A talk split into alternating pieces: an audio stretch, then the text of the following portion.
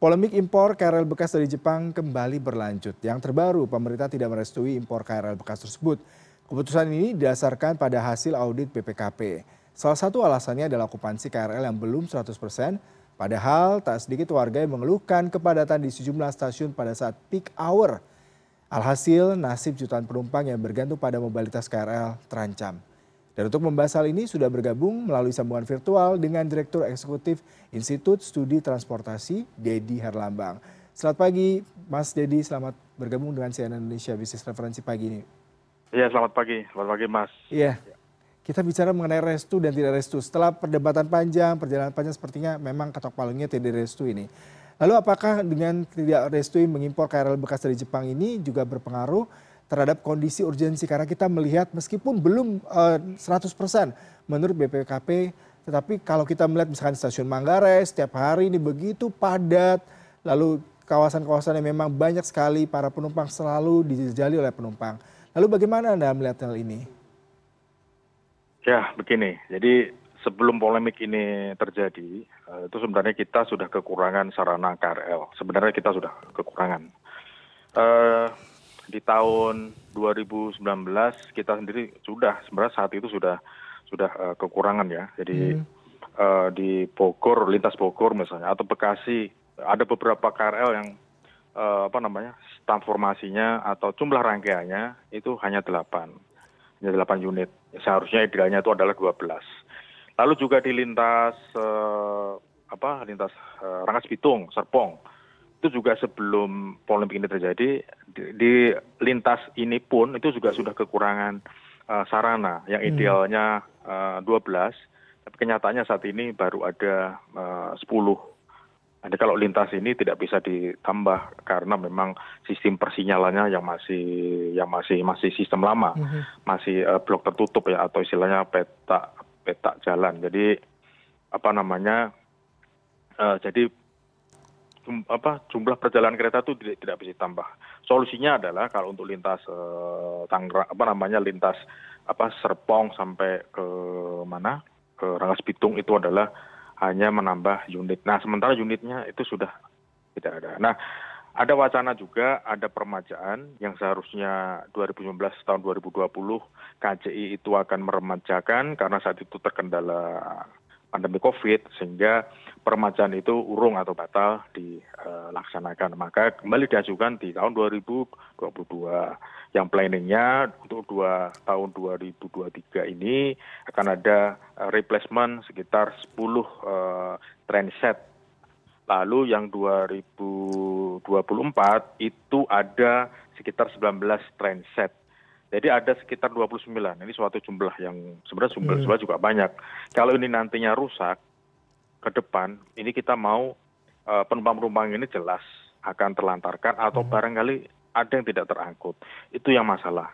Jadi kalau semisal alasannya karena okupansi belum 100%, ini sebenarnya uh, istilahnya suatu statement yang blunder bagi kami praktisi transport yang seharusnya kami menyediakan space itu jauh lebih banyak karena tujuan kita juga itu ada shifting dari kendaraan pribadi ke angkutan umum dalam hmm. hal ini angkutan massal KRL salah satunya. Nah kalau ini sudah dibatasi, bagaimana kita mau uh, memberikan uh, arahan atau tarikan perjalanan menggunakan uh, KRL ini? Karena sudah jauh-jauh hari sudah uh, tidak tidak bisa menambah jadi masalahnya di sini bagaimana cara menambah kiskar dua tahun ini karena di tahun 2025 itu rencananya KCI dan uh, eh, KCI sudah memesan uh, produk KRL baru di Inka. Tapi itu kan tahun 2025. Mm -hmm. Itu pun baru rencana. Yeah. Ya, semoga saja itu rencana tidak meleset. Nah, yang jadi permasalahan, permasalahan saya itu adalah dua tahun. Jadi ini, ini adalah kondisi genting kondisi yang uh, urgent yang harus uh, yang harus segera replacement harus diganti yang baru ya jangan sampai kereta-kereta yang lama ya usianya sudah di atas 15 tahun kita paksakan. Kalau untuk rekomendasi dari BP, BPKP -hmm. dilakukan retrofit. Yep. retrofit kan juga membutuhkan waktu membutuhkan biaya juga ya. Kalau retrofit itu membutuhkan waktu paling cepat teorinya adalah 16 bulan. Itu pun paling cepat. Belum lagi biayanya mahal sekitar 50 sampai 60 persen dari harga baru karena engine-nya dan peralatan teknisnya mekanikalnya semua diganti yang baru. Hanya bodinya bodi lama.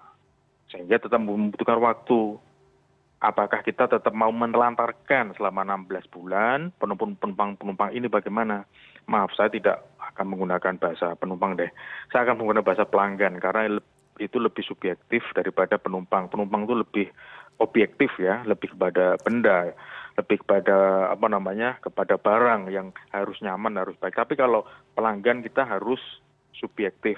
Mm -hmm. Jadi bagaimana uh, para pelanggan ini yang sudah puluhan tahun menggunakan KRL jangan sampai dilayani dengan uh, dilayani yang buruk, tidak nyaman dengan alasan kekurangan kereta. Keretanya baru mm -hmm. retrofit baru dibang, di, baru dibentuk harus baru dibangun. Jadi ini masalah, saya pikir ini masalah. Hmm. As urgent saat ini harus ada political will dari dari pemerintah daripada kita selalu berdebat atau berpolemik masalah TKDN TKDN. Masalah TKDN ini tidak bisa dibandingkan juga dengan masalah eh, barang-barang uh, kon konsumsi lain ya, seperti elektronik seperti TV, handphone, lalu apa namanya uh, kulkas atau yang sejenisnya yeah. deh itu Pak, tidak bisa ya. karena itu adalah barang private mm-hmm. orang orang bisa tidak beli tidak masalah. Iya, tapi itu lalu yang menarik maaf Pak, saya potong sedikit Mas. Kalau kita bicara mengenai retrofit tadi Anda katakan butuh waktu sampai 16 bulan, biayanya lebih besar bahkan lalu sebenarnya pilihan yang paling ideal ini apa? Tetap mengimpor uh, rangkaian bekas dari luar negeri ataukah memang retrofit salah satu hal yang saat ini paling possible dan rasional karena pemerintah sendiri menolak untuk impor? Betul. Jadi kalau untuk uh, yang urgent memang harus impor.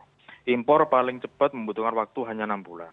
Proses administrasi, lalu proses apa namanya uh, adjustment mungkin sampai di Indonesia pun sampai di Indonesia pun nanti tetap akan di ada beberapa ada beberapa uh, apa namanya ada beberapa komponen hmm. atau beberapa engine ataupun ada beberapa elektronik yang harus diganti misalnya AC kalau di Jepang itu ada ada AC untuk ketika mas, musim summer misalnya ada AC untuk uh, pemanasnya. Kalau di Jakarta tidak perlu misalnya. Jadi itu harus kalau di DKI atau di Jabodetabek kan tidak perlu karena kita tropis. Jadi memang perlu yang cool saja untuk AC-nya. Jadi kira seperti itu. Nah, hmm. kalau yang paling masuk akal, yang paling rasional memang kita harus harus impor seperti saya tadi sampaikan. Karena kalau untuk retrofit atau sifatnya refurbish pun yang refurbish mungkin juga membutuhkan waktu tiga bulan, tapi juga tidak ber, bisa bertahan lama karena refurbish itu hanya hanya checking hanya apa namanya hanya bersih, membersihkan hanya apa namanya hanya uh, apa namanya uh, mengaudit misalnya atau meng, memberikan apa namanya merawat istilahnya kalau yang ada yang rusak diganti tapi itu sama sekali tidak mengganti uh, engine yang uh, ataupun traksi motor yang baru. Kalau hmm. refurbish itu yeah. memang cepat bisa tiga bulan. Ya, berarti Tapi Mas Dedi terakhir, iya Mas Dedi kalau kita bicara nah, mengenai kondisi saat ini, hmm. sebaiknya memang pemerintah harus uh, mengkondisikan bahwa ketersediaan KRL itu selalu ada. Jangan sampai kita terjebak pada perdebatan TKDN TKDN. Hmm sementara masalah pelayanan publik di bidang transportasi uh, umum itu malah dilupakan. Kita di atas sibuk uh, berantem mengenai masalah TKDN, tapi uh, kami kebetulan saya juga pengguna pengguna KRL, kita justru di bawahnya ini justru kita setiap hari kekurangan sarana KRL. Kalaupun tadi disampaikan BPKP bahwa uh, apa namanya bahwa load factor atau okupansi belum ada 100 persen, hanya 63. Itu kan dihitung secara uh, overall ya dari pagi jam 5 sampai dengan jam 12 atau jam 1. Nah, sementara untuk peak time itu yang jam 6 sampai jam 8 atau jam 5 sampai jam 7 itu capaiannya keterisiannya bisa sampai 300 persen. Mm -hmm. yeah. Itu itu yang tidak pernah dipikirkan. Ya kalau mau dihitung semua ya memang uh, longgar total hanya 63. Tapi ketika peak hours atau rush hours ya peak peak time antara jam 6 sampai jam 8 itu luar biasa. Saya pun juga pengguna KRL juga pernah tidak hmm. terangkut hmm. karena sudah yeah. penuh sesak. Kalau idealnya dalam SPM kereta api satu meter persegi di apa di rangkaian di kereta satu unit itu satu meter persegi untuk SPM standar pelayanan minimal, minimal itu uh, mepetnya satu meter persegi bisa untuk boleh untuk enam orang. tapi ketika peak time satu meter persegi itu bisa menjadi sembilan orang bisa Baik. dibayangkan betapa menjadi pepesan Mhm. eh, manusia di sana Baik. jadi itulah yang tidak yang bisa tidak dilihat seperti eh, dari BPK, kajian BPKP. Oke, mau secara teori memang betul hanya 64, tapi itu kan overall ya. Karena kalau siang sepi, terus kalau malam itu sepi. Itu kalau dihitung semuanya total di rata-rata ya memang semua tidak sampai 100%. Tapi sebaiknya pemerintah memang harus menyediakan sarana ini yang banyak karena eh, target dari Kemenhub dari DJKA Kemenhub itu tahun 2025 itu paling tidak K- eh, KRL bisa menampung 2 juta setiap hari. Kita pernah punya pengalaman di tahun 2018 paling banyak 1,2 juta eh, apa namanya eh, penumpang setiap setiap hari. Nah target untuk 2025 itu sampai 2 juta. Nah kalau di awal-awal saja kita sudah dipersulit, bagaimana kita mau menambah sarana atau menarik masyarakat yang dari kendaraan pribadi menggunakan KRL. Jadi masyarakat yang saat ini yang mau ancang-ancang menggunakan KRL itu sudah sudah males. Oh, kar- kar- keretanya kurang, berdasarkan bagaimana Ya, baik Bapak. Eh, mau tertarik untuk menggunakan angkutan umum kalau masalah kereta pun masih dibatasi seperti ini. Memang memang ini hanya eh, ini memang politis ya. Kalau masalah TKN itu diperdebatkan tidak akan pernah selesai. Karena kalaupun kita mau pendekatan politis seperti kereta cepat pun itu juga dengan pendekatan politis tanpa TKDN pun ju- juga bisa masuk entah sarananya baik prasarannya sampai relnya pun impor 100% dari dari Cina 100% itu juga bisa karena itu eh, pendekatan politis. Nah, Baik untuk Bapak. masalah angkutan massal ini pun itu pun juga sebenarnya juga pendekatan politis. Naik 2000 perak saja pasti pada protes pada demo misalnya.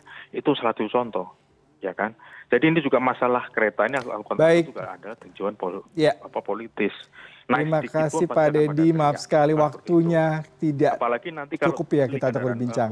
eh, baru. Iya, Pak eh, Dedi, maaf pasti sekali waktunya. Pasti akan naik. Ya. Gitu. Kita berbincang lagi di lain waktu karena waktu sangat terbatas sekali perbincangannya begitu menarik. Terima kasih untuk waktunya dan kesempatan Oke. pada pagi hari ini Bapak. Oke, boleh.